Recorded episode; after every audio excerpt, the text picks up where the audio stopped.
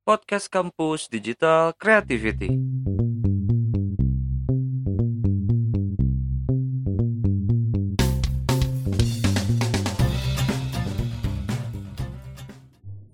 Selamat datang di ruang publik. Bersama Jody Dwianto di sini, kita ciptakan ruangan yang bebas, dinamis, dan demokratis. Halo guys, gimana kabarnya? Semoga selalu sehat dan bahagia. Nah, di episode pertama ruang publik ini, aku di sini akan membahas lebih banyak mengenai kita manusia dan hubungan kita dengan alam semesta dan lingkungan.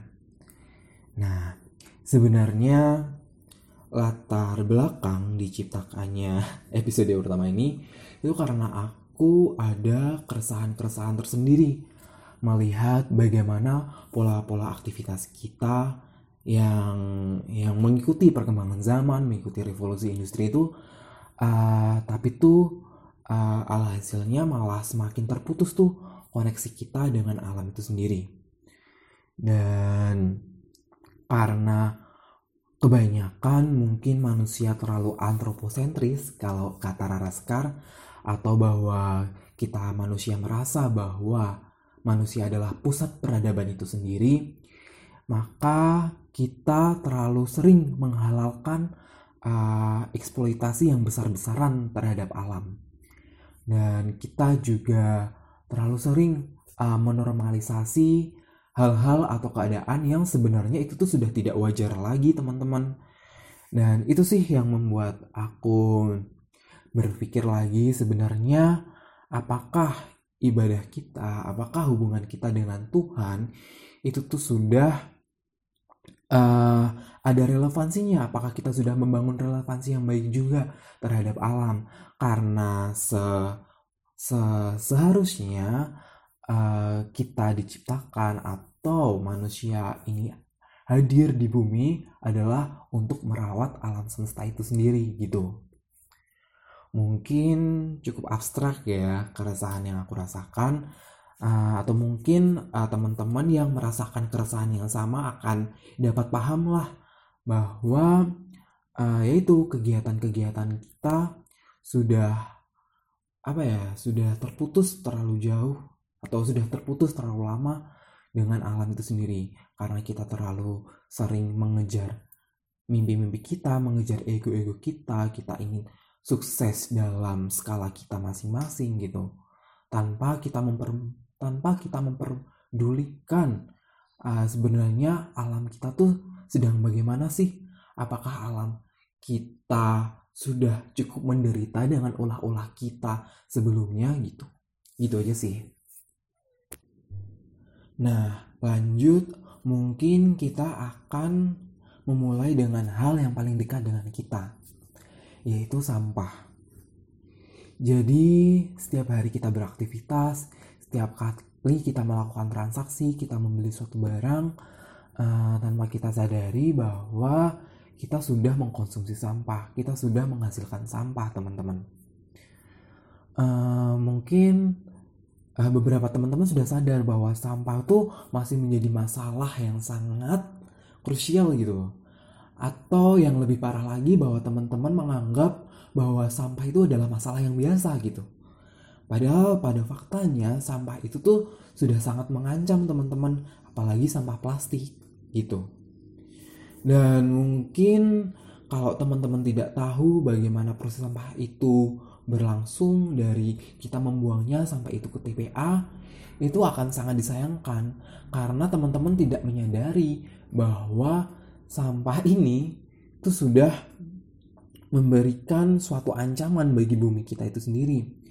Ya, mungkin dari TP mungkin dari kalau di Indonesia karena waste manajemennya itu masih dapat dibilang masih buruk gitu kita masih kekurangan TPA akhirnya kita mencari lahan-lahan kosong yang lain kita harus uh, menjadikan yang seharusnya tadi itu adalah tempat untuk pohon-pohon akhirnya kita jadikan itu menjadi uh, tempat sampah jadi tempat pembuangan akhir gitu dan di balik itu semua terdapat para pahlawan yang telah membantu kita untuk menyelamatkan alam yaitu mereka para tukang sampah, mereka para pemulung yang memanfaatkan uh, hasil-hasil sampah yang diciptakan masyarakat untuk dijadikan uh, sumber penghasilan dari mereka gitu. Beberapa dari mereka mengolah sampah menjadi uh, barang yang bisa digunakan lagi, menjadikan jadi barang yang bisa uh, apa ya menilai yang ada nilai. Ya Allah beli sekali sih. Yang ada nilai lebihnya gitu loh. Uh, lalu bagaimana dengan nasib sampah lainnya gitu? Yang kebanyakan sampahnya ya udah di uh, diam. Begitu saja tidak diurus lagi karena tidak ada uh, regulasi yang baik untuk mengatur sampah-sampah yang ada di TPA gitu. Uh, mungkin kita juga perlu mengapresiasi para para pahlawan lingkungan mereka mereka para pemulung mereka para tukang sampah yang bekerjanya tuh sangat apa ya sangat meresikokan diri mereka sendiri teman-teman. Apakah teman-teman sadar bahwa sampah-sampah yang kita hasilkan tuh ketika berada di TPA itu menghasilkan gas metana yang sangat tinggi gitu. Kemudian mereka para pekerja sampah masih saja mencari penghasilan-penghasilan tambahan dengan mengais-ngais sampah, dengan mencari-cari sampah yang uh, masih layak untuk untuk mereka jual kembali gitu. Uh, kemudian penyakit-penyakit mungkin yang berhubungan dengan pernafasan atau mungkin ketusuk jarum suntik bekas limbah dari rumah sakit itu tuh uh, dapat membahayakan mereka gitu loh teman-teman. Padahal, padahal nih teman-teman kalau kalau kalian cari datanya lebih lanjut, gaji mereka tidak seberapa teman-teman. Ya karena karena mungkin uh, regulasi persampahan di Indonesia atau waste management di sana kayak kayak para pejabat, para mereka yang yang mem, yang mem, mempunyai kebijakan, mereka yang mempunyai wewenang tuh kayak masih menganggap sampah tuh hal biasa gitu. Padahal kalau uh, setahu aku tuh gaji mereka tuh hanya sebatas 400 dan sampai 500 ribu teman-teman itu sangat tidak wajar, sangat tidak manusia, manusiawi. Padahal jasa mereka, para tukang sampah dan para pemulung itu sungguh apa ya? Sungguh sangat uh, berjasa, berjasa sekali bagi alam gitu. Oke. Oke, nah mungkin kita akan lanjut ke yang lebih spesifik di sampah plastik. Sudah apa ya? sudah terbiasa lagi nih masyarakat kita menganggap bahwa sampah plastik itu adalah hal yang lumrah gitu. Dan kita dengan mudahnya sering kali uh, mengkonsumsi sampah plastik padahal kita punya hak untuk menghentikan konsumsi tersebut. Karena sebenarnya konsumsi yang kita lakukan tuh sebenarnya kayak kayak wasting gitu kayak sia-sia gitu. Misal nih ketika kita beli barang kecil lah di supermarket kemudian kita diberikan sam, uh, uh, uh, apa sih kayak kresek yang sangat kecil gitu. Kita ya kayak dengan terbiasa ya udah kita ambil gitu padahal ya buat apa gitu loh. Kenapa kenapa nggak kita tolak aja? Mbak nggak usah pakai sampah plastik ya. Mas nggak usah pakai sampah plastik ya. Seperti itu. Nah uh, lebih lanjut dari itu bahwa uh, saat ini tuh uh, aku cukup menyadari sih kalau sama plastik cukup menjadi concern tapi concernnya tuh nggak gede-gede amat. Ya kayak uh, mungkin karena sudah banyak yang menyuarakan uh, tentang bahaya sampah plastik makanya uh, pemerintah membuat uh, regulasi itu ya. Karena ya beberapa orang sudah mendesak pemerintah untuk membuat regulasi tentang sampah plastik gitu tentang peraturan-peraturan sampah plastik mengenai cukai mengenai teksnya gitu. Tapi uh, keresahan yang aku rasakan bahwa sampah plastik itu sendiri tuh kayak ya apa sih belum terlalu tinggi concern pemerintah ke situ gitu. Makanya sampah plastik di Indonesia tuh masih bisa dibilang bermasalah gitu. Teman-teman sadar nggak bahwa uh, Indonesia adalah nomor dua terbesar penghasil sampah plastik yang bocor ke laut. Apa sih bahasanya itu kayak marine debris gitu loh. Bahwa uh, pencemaran sampah yang sampai ke laut itu tuh Indonesia tuh nomor dua setelah Cina gitu. Dan mungkin teman-teman nggak merasakan dampaknya ya kalau teman-teman hidup di perkotaan gitu. Padahal kalau dihitung-hitung uh, oleh para, ah, para ahli, dampaknya itu tuh tidak hanya ke sektor perikanan tapi juga ke sektor pariwisata. Karena kalau semisal dihitung-hitung oleh para ahli para peneliti itu uh, sektor pariwisata juga terpengaruh. Banyak sekali uh, turis-turis yang tidak mau berkunjung karena uh, laut di Indonesia tuh kotor. Dan itu kalau dihitung tuh totalnya itu bisa sampai berjuta-juta rupiah bertriliun-triliun rupiah gitu. Kalau tidak salah ya. Pokoknya gede deh uh, dampak ya kerugian yang dihasilkan karena sampah plastik kita tuh atau sampah-sampah kita tuh sampai bocor ke laut tuh dan mungkin teman-teman di sini kayak kalau semisal melihat uh, ikan paus terus dibelah tuh perutnya kemudian banyak sampah mungkin teman-teman kayak cukup cukup merasa di skala yang kasihan ya uh, sampah plastiknya. Padahal tuh teman-teman sendiri yang berkontribusi kita sendiri maksudnya. Aku termasuk aku mungkin ya yang berkontribusi terhadap sampah sampah itu uh, sampai ke perut paus gitu.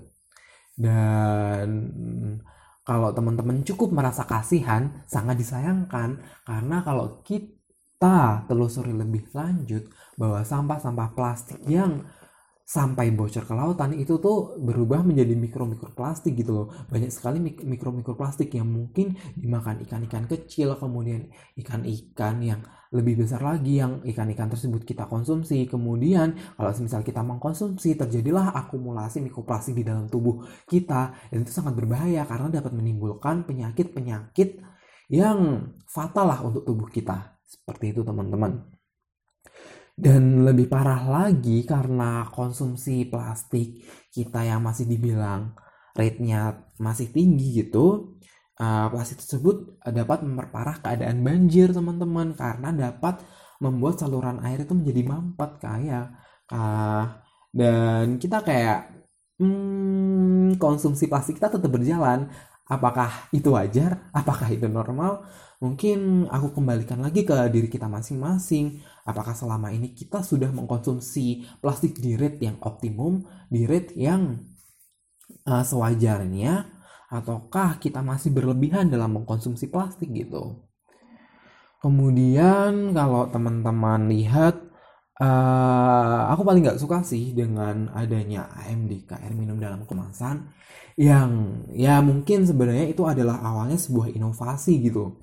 Uh, dulu kan kita pernah di zaman uh, kita mengkonsumsi minuman-minuman bersoda itu pakai botol-botol gelas gitu kan, botol-botol kaca, di mana kita uh, konsumsi di situ terus kemudian kita kembalikan lagi ke tokonya, kemudian uh, along from the distribution company itu bakal kayak uh, kayak mengambil lagi di toko-toko, kemudian di di stok lagi ke toko-toko uh, minuman minuman yang sudah ada di gelas kaca gitu. Tapi karena muncullah inovasi nih, muncullah inovasi botol plastik karena dianggap lebih meminimalisir cost. Nah, ini cost cost production ya, cost production yang diminimalisir ah, dan juga mempermudah regulasi distribusinya.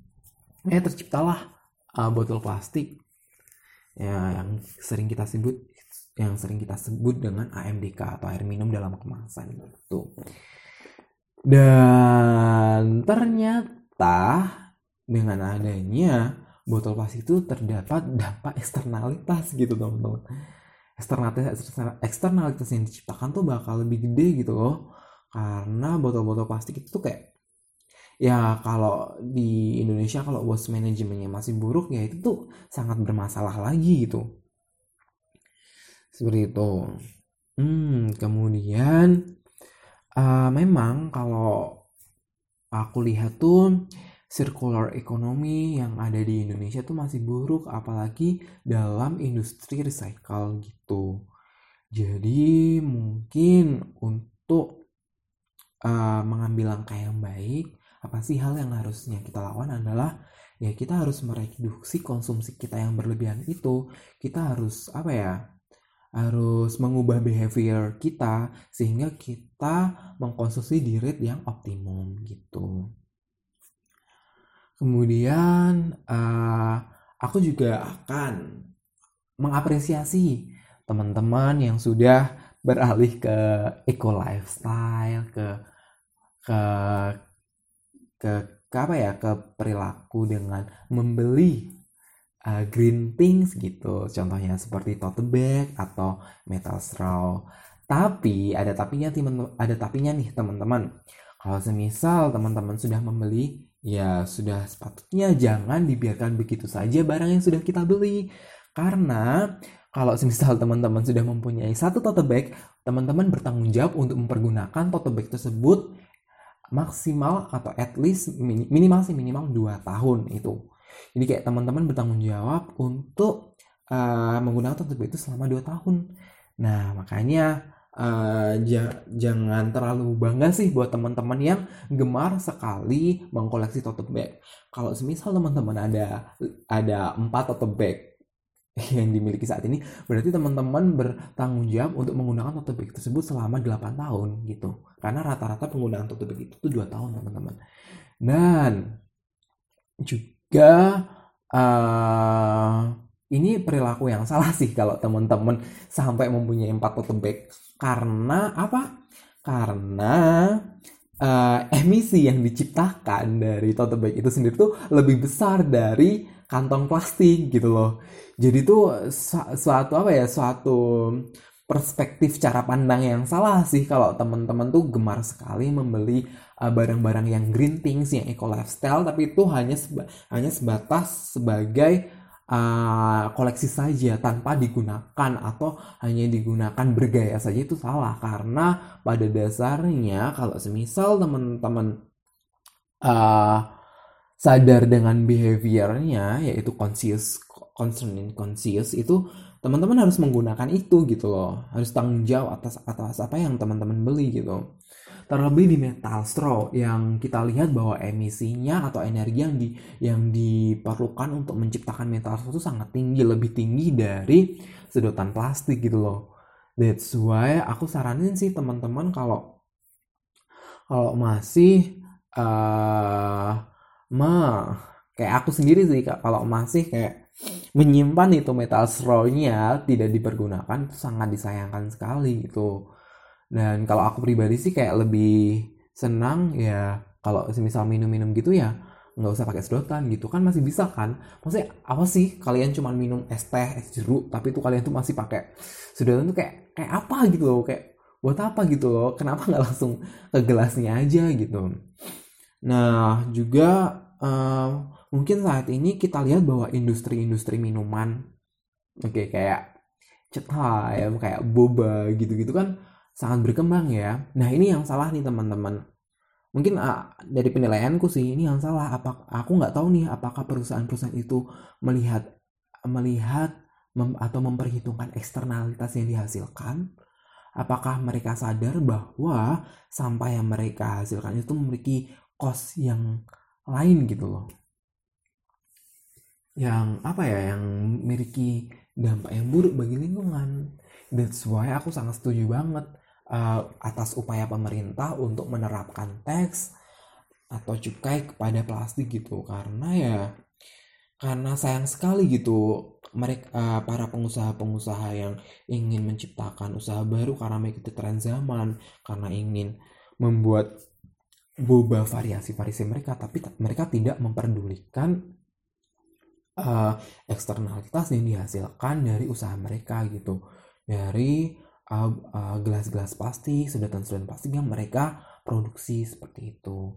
Sangat disayangkan sekali. Dan mungkin buat teman-teman yang ingin memulai usaha itu itu perlu diperhitungkan teman-teman costnya gitu. Atau mungkin bisa menggunakan alternatif-alternatif lain. Jadi sehingga uh, usaha teman-teman itu tidak bergantung pada uh, gelas plastik atau sedotan plastik seperti itu. Kemudian yang aku sebel tuh kayak uh, inefficient packaging gitu inefficient packaging yang dibuat oleh perusahaan-perusahaan. Itu kayak seharusnya teman-teman tuh sadar ini teman-teman sadar dan itu sangat jelas bahwa ini tuh hanya strategi marketing gitu. Mereka para perusahaan tuh kayak uh, menciptakan psikologi marketing agar kita tuh membeli uh, barang mereka. Padahal uh, packaging yang mereka ciptakan itu mempunyai dampak bagi lingkungan. Sebelum nggak sih kalau teman-teman beli odol, nah odol kan sudah ada kemasannya, tapi itu masih ada kardus yang mengemasi kemasannya itu, itu kayak, uh, aku nggak tahu sih kayak kayak pengusaha-pengusaha itu kayak masih terlalu apa ya, terlalu rendah lah uh, awareness mereka terhadap lingkungan. Itu sangat sangat prihatin sih aku pribadi. Sebenarnya teman-teman juga merasakan itu sendiri kemudian kalau misalnya teman-teman beli ciki gitulah teman-teman bisa lihat nggak sih bahwa uh, kadar angin di ciki itu tuh lebih banyak ketimbang volume anginnya tuh lebih banyak ketimbang volume isi cikinya itu sendiri gitu. Itu kayak ah uh, gitu loh kayak suatu hal yang menyebalkan gitu loh. Itu kan kayak tujuan dari perusahaan itu kan kayak ingin psikologi marketing bahwa kita melihat wah isinya banyak ya padahal anginnya yang banyak gitu. Sangat disayangkan sekali kalau teman-teman termakan dengan uh, strategi marketing dari mereka. Kemudian ya itu karena kita sebagai manusia tuh lebih sering menggunakan sistem satu di dalam otak ketimbang sistem dua gitu. Ya kita kayak lebih refleks gitulah, lebih otomatis dengan apa yang kita lihat tanpa kita memikir lagi secara saintifik, secara secara rasional apa apa sih dampak yang sebenarnya kita lakukan gitu apa sih dampak yang uh, yang ditimbulkan karena kita memilih suatu hal gitu kemudian sebelah lagi kalau di modern modern market tuh masih banyak apa ya plastik dan juga styrofoam. Itu tuh kayak ya Allah jujur buat teman-teman aku saranin lebih baik deh beli sayur-sayur gitu tuh di pasar tradisional. Itu kayak lebih menyenangkan gitu dan kita tuh bisa uh, lebih apa ya lebih humanis lah dengan ber melakukan interaksi dengan para pedagang-pedagang di pasar tradisional. Janganlah sebenarnya gue tuh setuju-setuju aja uh, karena buat uh, pasar modern tuh juga kayak mempermudah kita gitu loh untuk membeli membeli kebutuhan sehari-hari. Tapi tuh ya itu mereka tuh kayak packagingnya tuh masih pakai plastik masih pakai styrofoam dan kayak berdobel-dobel gitu. Itu sangat tidak efisiensi dan aku nggak tahu apakah mereka memikirkan cost yang mereka hasilkan dan eksternalitas dari inovasi-inovasi yang sebenarnya kayak greget banget gitu gitu teman-teman. Nah mungkin kalau dari aku sendiri apa sih hal yang harus kita lakukan? Yang pertama yaitu minimalisir konsumsi gitu sehingga kita kons kita tuh mengkonsumsi di yang optimum. Kita tidak apa ya tidak terlalu berlebihan lah ketika mengkonsumsi ya ada memang ada sifat manusia yang rakus tapi uh, pada dasarnya kita jangan termakanlah dengan kerakusan kita sendiri. Dan perusahaan pun juga kebanyakan sekarang menerapkan human center design dalam membuat produknya. Mereka tuh ingin sekali memancing kita sebagai konsumen tuh membeli barang barang mereka tanpa kita tahu apakah kita benar-benar butuh terhadap produk tersebut atau kita hanya ingin ditarik di skala yang skala yang di tingkat yang ingin lah jadi kayak uh, psikologi kita tuh kayak benar-benar dites gitu loh sama perusahaan dan menurutku kita harus asal lagi tuh uh, behavior kita agar jangan pernah termakan dengan ya kurangin lah uh, yang termakan dengan itu psikologi marketing yang diterapkan para para perusahaan gitu. Ini ya kita harus minimalisir konsumsi hingga di rate yang optimum. Kemudian nah jangan membeli baju terlalu sering. Itu kayak kayak kalau kita lihat kan uh, lokal brand atau perusahaan uh, atau usaha-usaha tekstil kan sangat berkembang ya saat ini. Tapi jujur, kalau teman-teman lihat lebih dalam dampak yang dihasilkan, eh, limbah-limbah yang dihasilkan itu juga sangat berbahaya sekali bagi lingkungan teman-teman. Dari tadi aku ngomongin tentang bahaya-bahaya.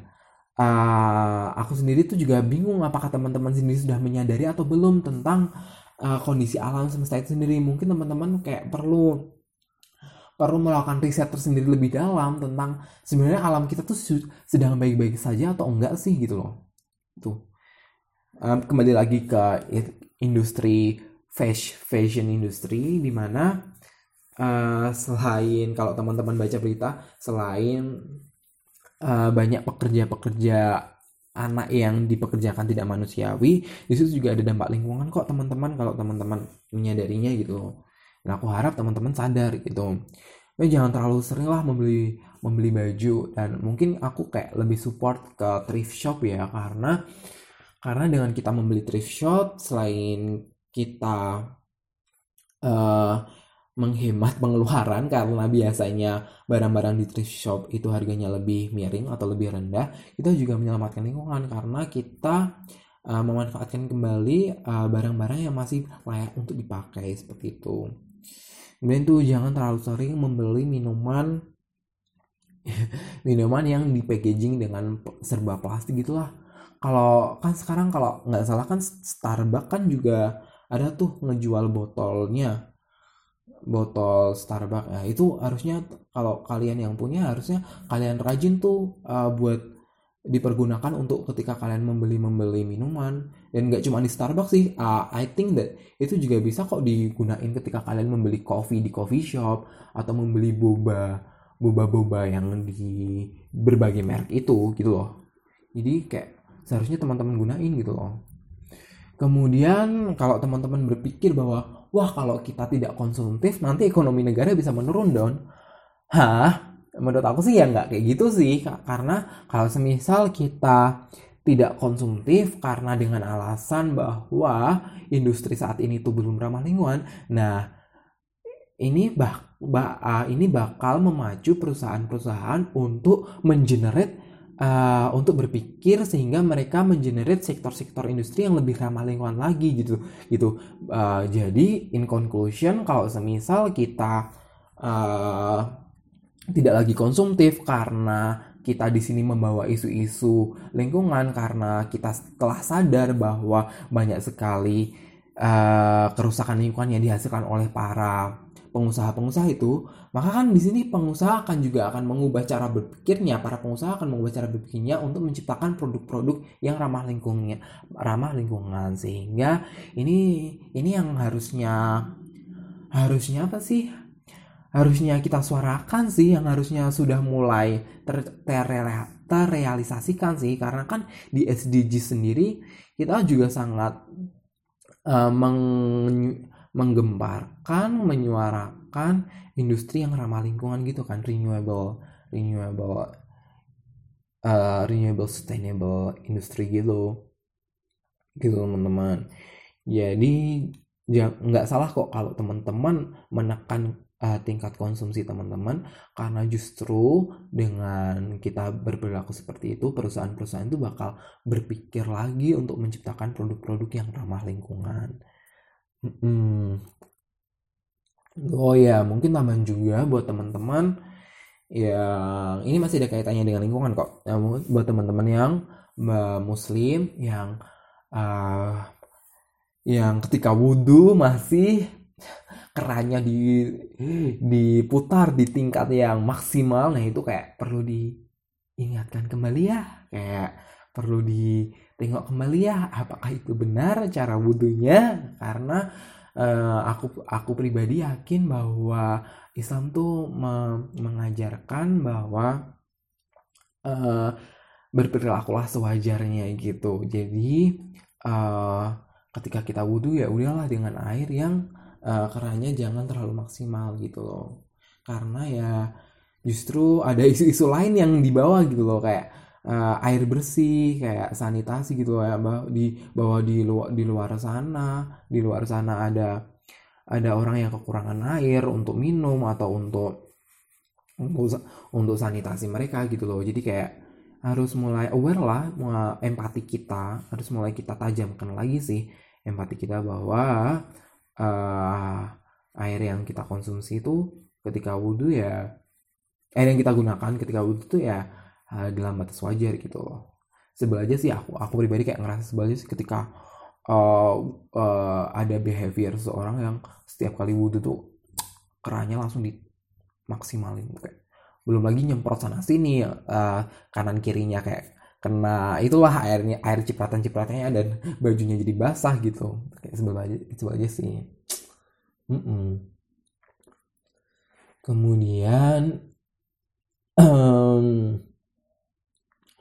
mungkin uh, untuk teman-teman untuk teman-teman pengusaha ya atau mungkin dari pemerintah harus lebih take concern lagi sih ke industri-industri yang ramah lingkungan. Karena kalau aku lihat uh, sebenarnya itu udah berkembang cukup lama. Seperti ada yang namanya biogas rumah atau biru yang awalnya itu ada di di di Jogja di daerah Yogyakarta di mana mereka memanfaatkan limbah uh, limbah dari limbah-limbah dari uh, peternakan dan juga limbah dari manusia itu sendiri untuk dijadikan gas-gas uh, yang ada di rumah-rumah di rumah-rumah warga gitu. Kemudian juga aku pernah lihat ada plastik yang dapat uh, dikonsumsi gitu. Eh, pasti packaging plastik tapi itu packagingnya tuh bisa dikonsumsi gitu loh. Itu tuh plastiknya terbuat dari rumput laut atau kasava sehingga tuh plastiknya tuh biodegradable juga gitu kalau misal dibuang tuh.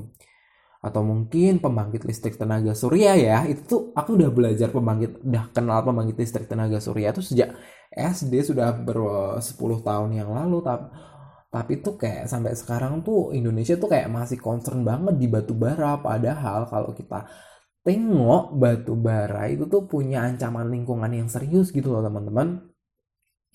Mungkin teman-teman nggak sadar gitu uh, tapi tuh mereka yang uh, hidup di dekat pertambangan batu bara itu kayak merasakan banget dampaknya.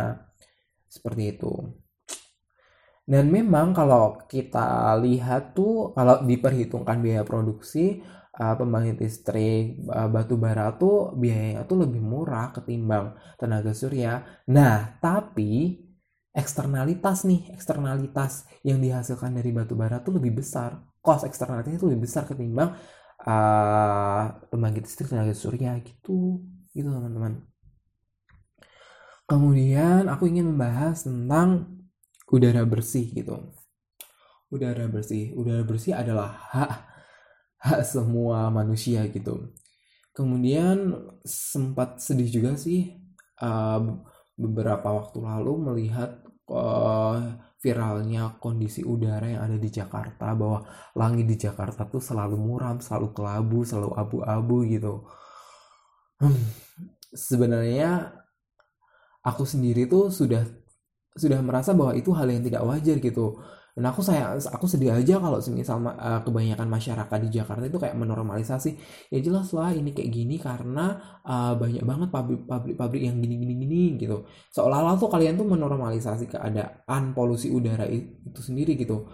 Karena kalau aku ngerasa tuh aku yang nggak ngerasa itu kayak ikut sedih gitu kayak kok bisa sih udaranya seperti itu? Kok bisa sih awannya jadi kelabu seperti itu? gitu loh dan kemudian dengan adanya COVID ini banyak yang bilang bahwa wah dengan adanya COVID alhamdulillah alhamdulillah ya ada hal positif yang kita dapatkan sekarang udaranya menjadi bersih gitu. Hah? Hah? Gini teman-teman, dengan adanya COVID tuh banyak sekali uh, ribuan ribuan nyawa yang melayang gitu. Jangan seolah kita normalisasi bahwa ribuan nyawa yang melayang itu tuh dapat menyelamatkan lingkungan. Enggak enggak teman-teman. Enggak seperti itu gitu loh. Padahal kalau kita telah ah lebih lanjut udara bersih tuh bisa banget kita ciptakan uh, uh, puluhan-puluhan tahun yang lalu gitu loh. Asalkan ada komitmen yang tepat ada komitmen yang sangat serius antara pemerintah dan para pengusaha. Ya gimana lagi kalau kalau pemerintahnya masih masih kayak memikir apa ya memikir hal hal yang wajar terhadap polusi udara itu sendiri dan para perusahaan tidak dikenai sanksi tidak dikenai hukuman yang wajar tidak dikenai uh, biaya yang wajar atas hal-hal yang mereka timbulkan gitu loh teman-teman.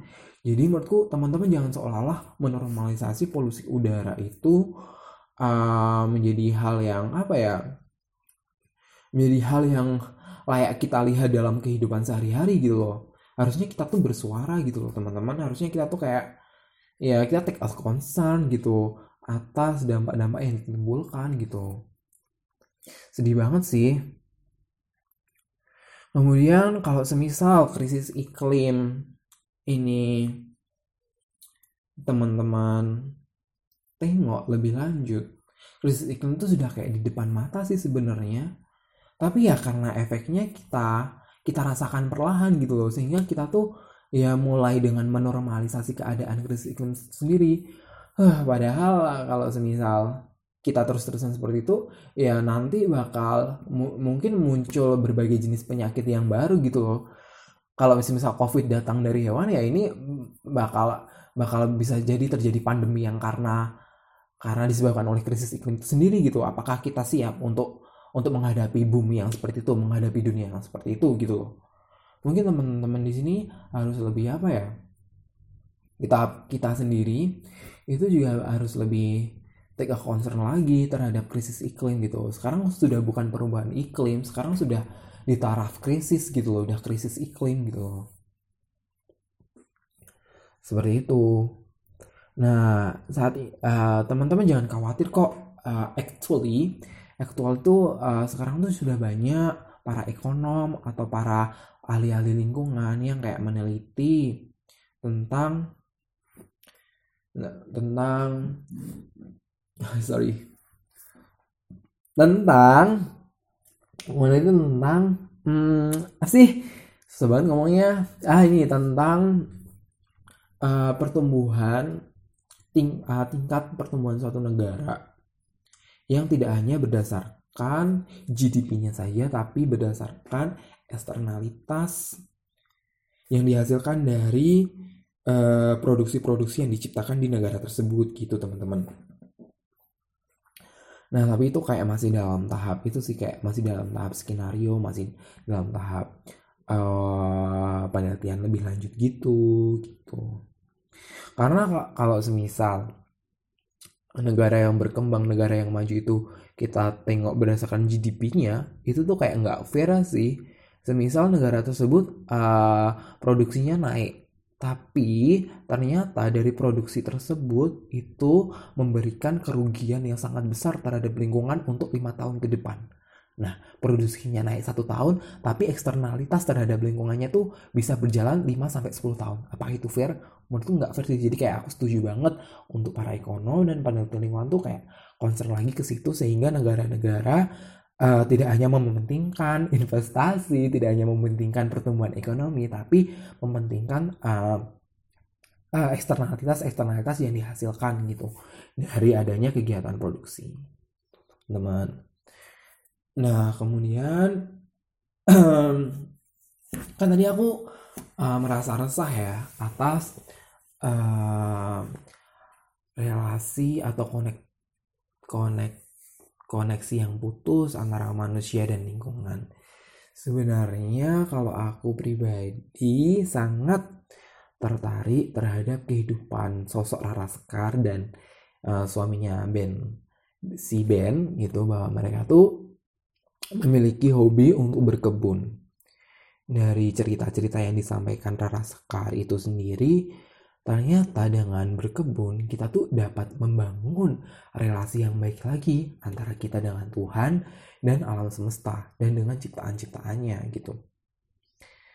Uh, aku pun belum mulai berkebun teman-teman. Masih kayak masih ingin saja masih di taraf yang ingin gitu. Belum belum di belum di taraf yang melakukan aksi atau tindakan gitu.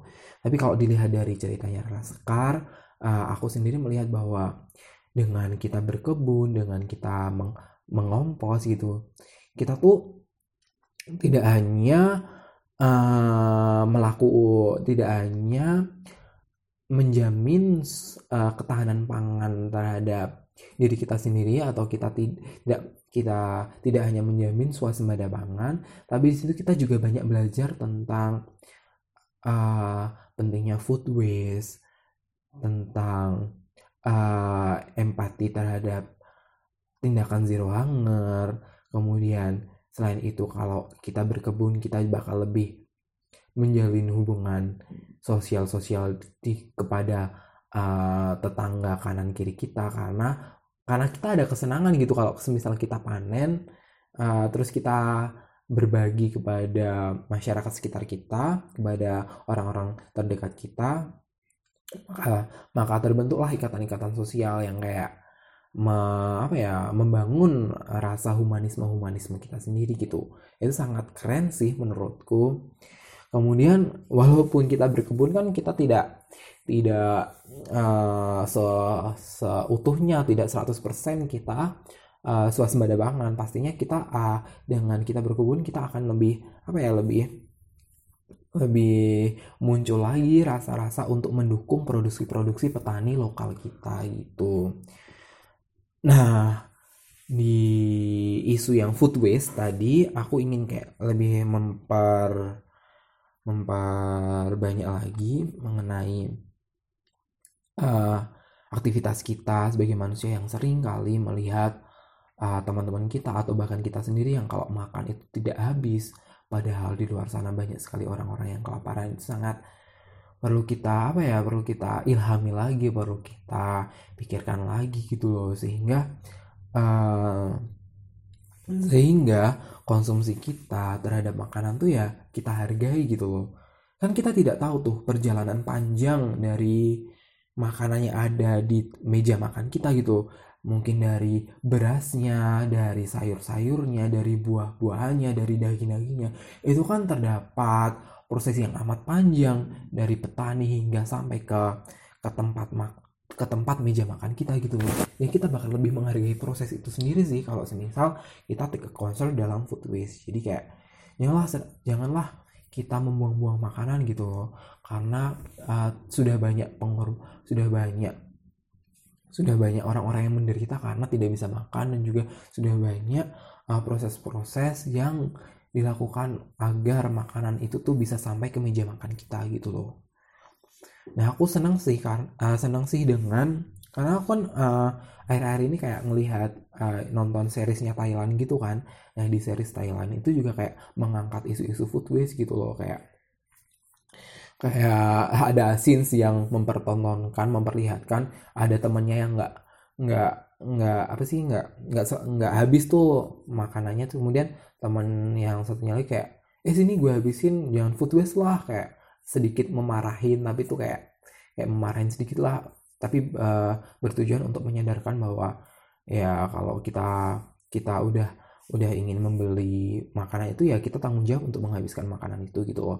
Atau kalau enggak ya kita sisihkan itu nanti atau kita berikan kepada mereka yang uh, kalau semisal masih layak ya kita berikan kepada mereka yang membutuhkan seperti itu.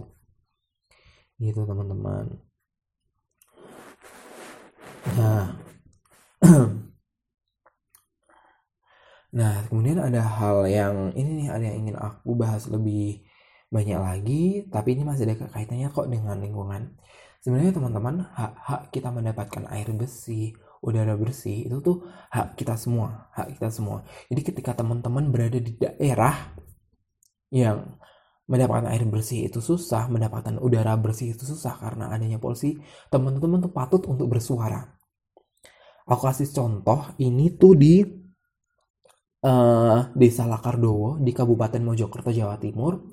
Kasusnya sudah sejak tahun 2010, kemudian masyarakatnya baru mulai bergerak di tahun 2016 dan sampai sekarang tuh kayak ah, masih tahap masih di tahap advokasi gitu. Nah, untuk teman-teman yang ingin uh, aku ingin kayak menjelaskan lebih lebih singkat aja ya karena aku ingin teman-teman mencari tahu lebih dalam lagi secara pribadi karena teman-teman akan mendapatkan sense of apa ya sense of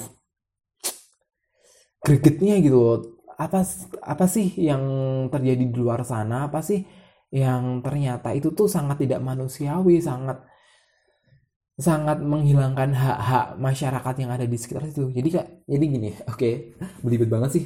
Jadi gini di desa Lakardowo itu tuh ada pabrik namanya PT Pria nah PT Pria ini tuh uh, menghasilkan limbah bahan berbahaya dan beracun atau B3 Nah, sayangnya limbah tersebut tuh sama pihak PT Pria tuh uh, langsung dibuang begitu aja ke dalam tanah gitu.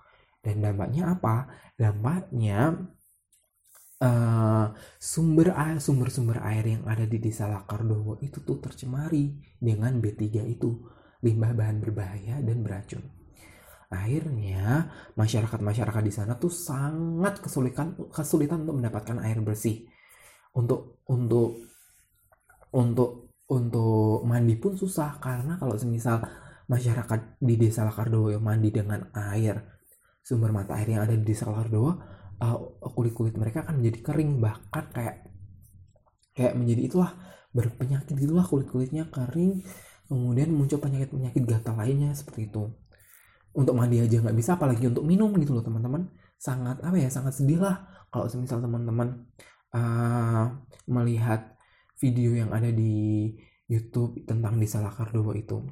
Jujur itu ini sudah lama banget dan sangat disayangkan sekali. Uh, aksi-aksi demo sudah digencarkan beberapa kali.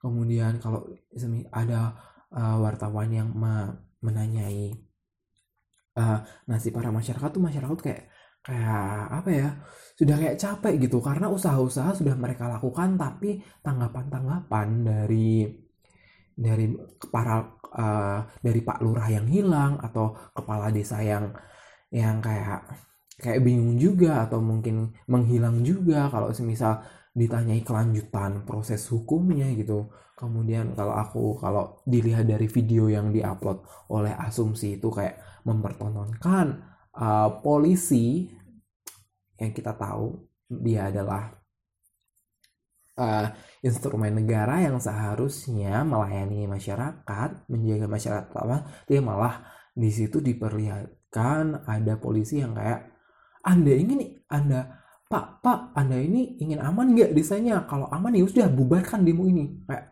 what the hell gitu loh.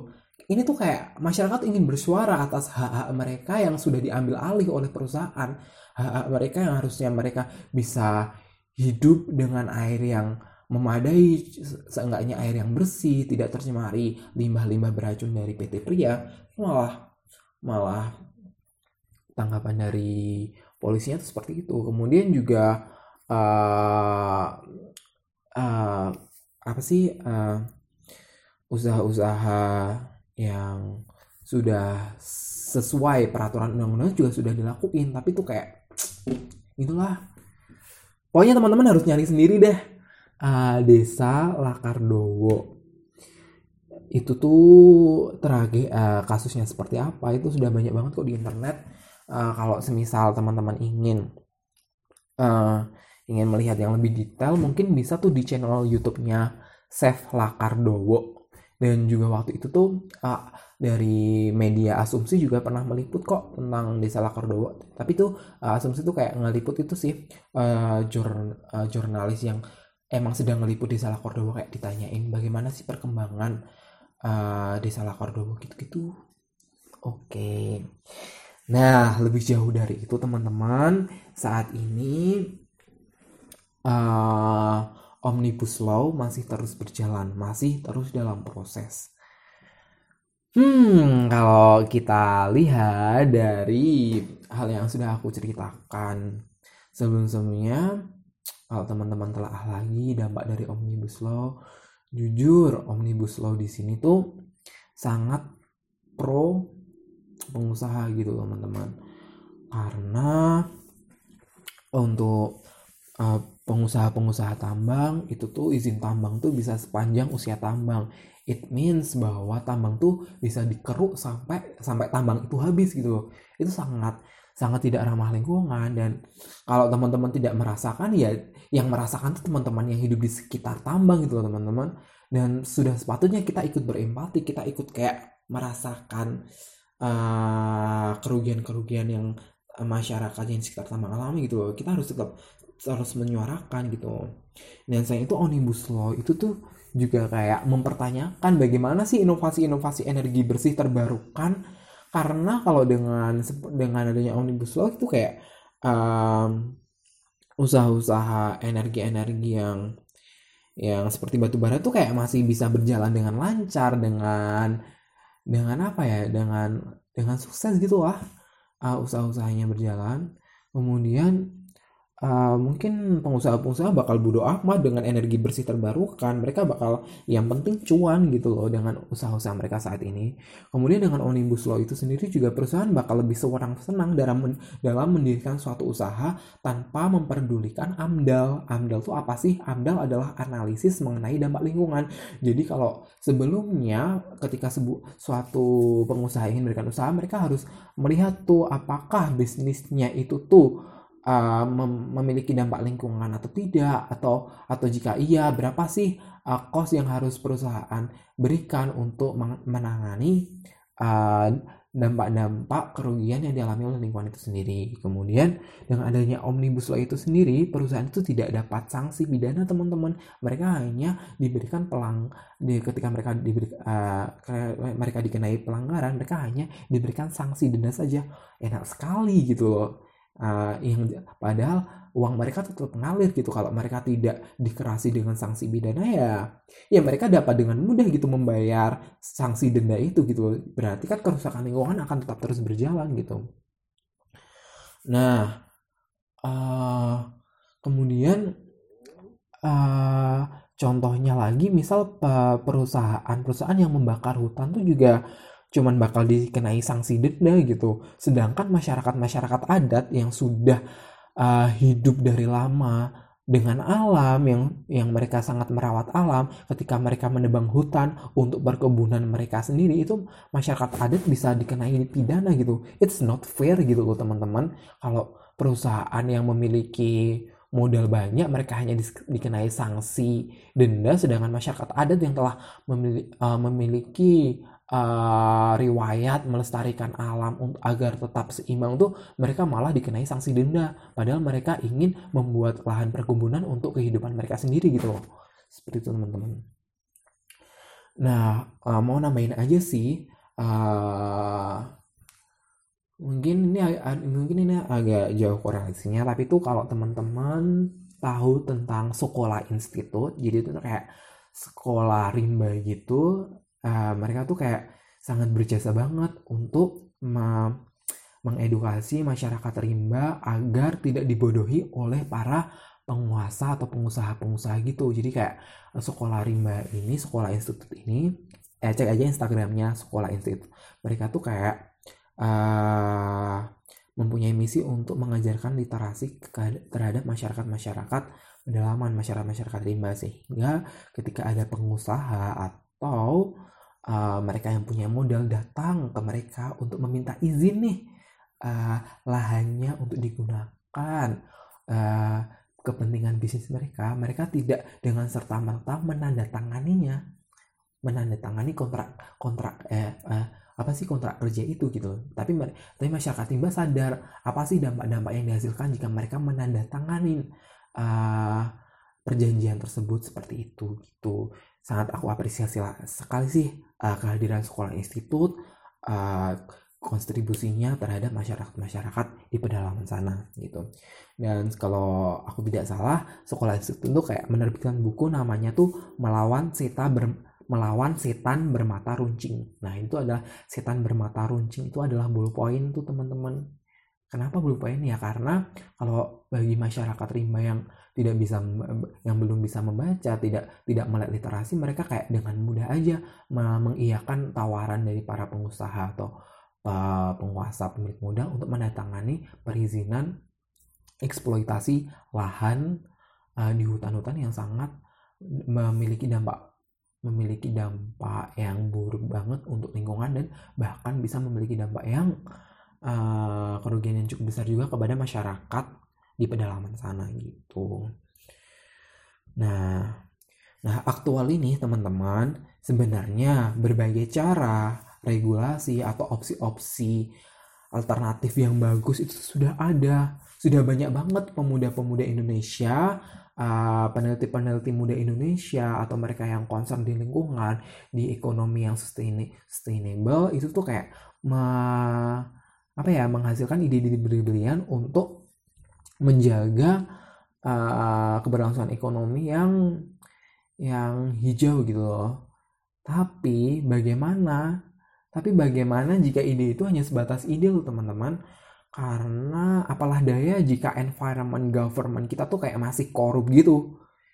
Itu tuh kayak ya ampun uh, pemuda-pemuda ini sudah kayak banyak banget yang uh, actually brilliant mereka sudah memikirkan regulasi yang baik itu seperti apa langkah langkah-langkah yang harusnya diambil pemerintah itu seperti apa tapi itu bakal kayak hmm, hanya sekedar ide belaka kalau uh, pemilik otonomi atau pemilik uh, kebijakan itu yang menentukan kebijakan itu masih dikuasai oleh government yang korup gitu.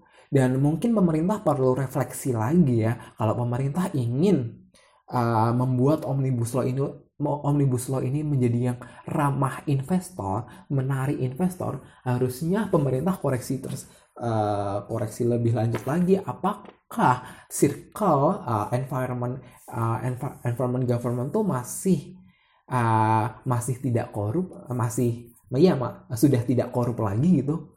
Itu karena sebenarnya yang membuat investor kayak malas berinvestasi di Indonesia ya karena uh, karena environment government kita yang masih korup gitu.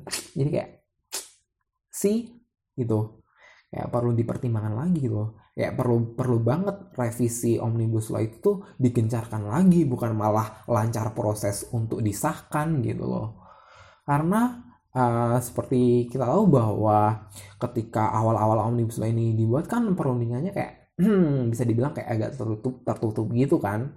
Dan kurang dari uh, kurang apa sih? Kurang uh, kurang uh, di kurang dikontribusikan dari suara-suara uh, dari para ahlinya seperti itu.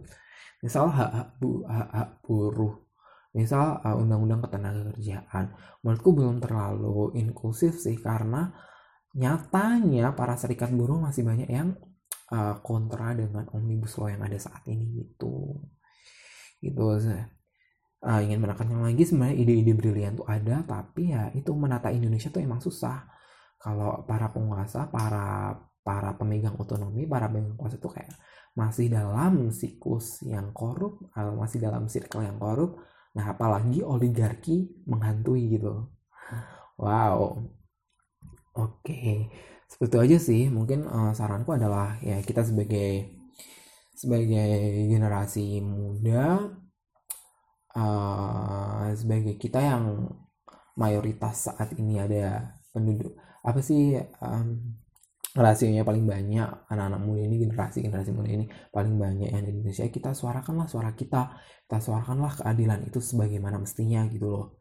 Dan uh, juga uh, kalau kalau ini kalau ini covid masih uh, sulit untuk kita melakukan aksi terjun ke lapangan ya kita suarakanlah lewat sosial sosial media kita.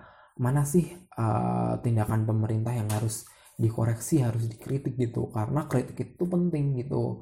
Jangan sampai ada ada lagi nih mahasiswa mahasiswa yang menyampaikan suara mereka eh malah ditahan oleh para itulah nggak takut takut takut takut aku takut habis ini ditahan. Canda. Pokoknya gitulah pokoknya kita harus uh, buatlah kritik itu menjadi normal karena pada dasarnya negara Indonesia adalah negara demokrasi teman-teman. Sudah bukan zaman orde baru di mana suara-suara kita dibungkam. Seperti itu gitu. Wah aku aku ingin sekali kita dan uh, teman-teman kita semua itu kayak aware lagi dengan permasalahan-permasalahan lingkungan dengan tindakan-tindakan tindakan kita seperti apa yang sudah aku bilang sebelum-sebelumnya tindakan-tindakan seperti apa sih yang seharusnya kita lakukan. Ya pokoknya intinya kita adalah uh, mengoptimalkan konsumsi kita. Jangan sampai kita kita melakukan wasting yang terlalu berlebihan sehingga kita menghasilkan sampah-sampah yang sangat berbahaya yang dampaknya itu ternyata tuh jauh lebih besar dari daripada yang kita bayangkan seperti itu. Dan kemudian kita masih dihantui dengan omnibus law yang ternyata juga memperparah kondisi lingkungan dan dan uh, dan malah saat ini para DPR mencari kesempatan dalam kesempitan di tengah pandemi seperti ini itu saya disayangkan kalau semisal kita masih masih terlalu sering uh, seolah bodoh amat menutup diri atau kayak terlalu pasrah dengan keadaan. Karena sewajarnya kalau kita uh, terutama teman-teman mahasiswa kitalah yang patutnya membuat Indonesia ini menjadi lebih baik lagi. Kontribusi nyata kita lah yang sebenarnya sedang yang selalu senantiasa ditunggu ditunggu oleh Ibu Pertiwi gitu.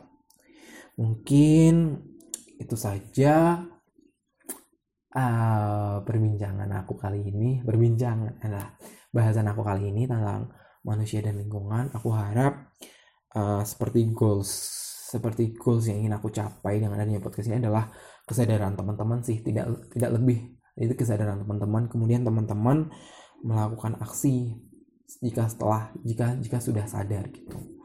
Oke sampai jumpa di episode ruang publik selanjutnya saya Jody Duyanto sebagai tuan rumah tuan publik pamit undur diri.